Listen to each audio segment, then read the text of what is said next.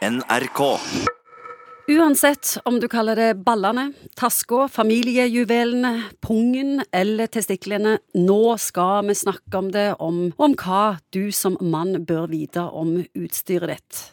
Først av alt noen beroligende ord. Testikkelkreft er ikke særlig vanlig, ca. 1 får det, og oppdages det tidlig, blir nesten alle friske, 95% Men vi er likevel i verdenstoppen, Morten Munkvik. Vi er i verdenstoppen der òg. Hvorfor det? Eh, det Alt det du må svare på. Eh, Ja, det òg. Nei, vi vet jo ikke helt det. Da skal vi iallfall prøve å være litt proaktive, og da spør jeg deg, hvordan skal en kar sjekke utstyret sitt for å ikke bli blant de prosentene som får? Ja, Heldigvis så er det jo lett tilgjengelig. De henger jo under der. Når man er i dusjen og har en varm dusj, da vil den muskelen som er med på å styre hvor langt vekk fra kroppen testiklene henger, den som heter musculus cremaster, da vil den være slapp, og da vil testiklene henge være tyngst, være lengst mulig fra kroppen. Det du sier, sjekk eh, testiklene i dusjen. Vi pleier å si det, for da er det varmt og godt, og testiklene henger ned. Hva vil en helst ikke finne når en sjekker? Og, eller hvordan skal en sjekke? Ja, da tar en eh, et tak rundt eh, hver testikkel, og så kjenner en på at de er homogene, altså at de er glatte i overflaten, på forsiden og på undersiden og bak. De skal være naturlig ømme, og at det ikke er noen kuler og klumper på dem. Det skal På- ikke være vondter. det skal ikke være vondt da. På toppen, på baksiden på toppen, så er det et knutrete parti som vi ofte kaller en bitestikkel. Det er egentlig en sammenkrølla sædgang, hvor de sædcellene som er lagt i testiklene, modnes og bearbeides og ordnes med, sånn at de blir klare til å sendes ut. Sammenkrølla, det høres ut som det var vanskelig å sjekke. Ja, det, det er vanskelig. Det, det blir som et eh, garnnøste som ligger på toppen av eh, testikkelen.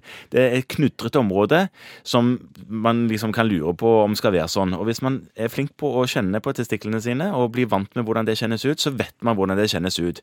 Og da kan man bli veldig fort klar over at den kulen jeg nå kjenner i bitestikkelen min, den var ikke der før. Og hvis du finner en kul, hvor stor ble den være?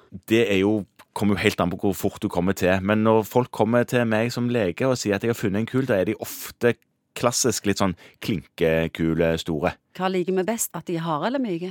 Men ligger iallfall dårlig at de er stein harde, og at de sitter fast til testikkelen. Så hvis det, de lever litt, og du kan flytte på dem fra seg sjøl, da er Hvis det de bedre? er litt sånn gummiaktige, og du kan flytte på dem, og de sitter i øvre pol omkring der bitestikkelen sitter, da er det oftere andre ting enn noe skummelt. Da er det ofte en utposning på sædlederne, en slags sædlederbråk, og så er det òg åreutposninger som kan komme der, så Mye som kan komme der. så mye som kan komme der.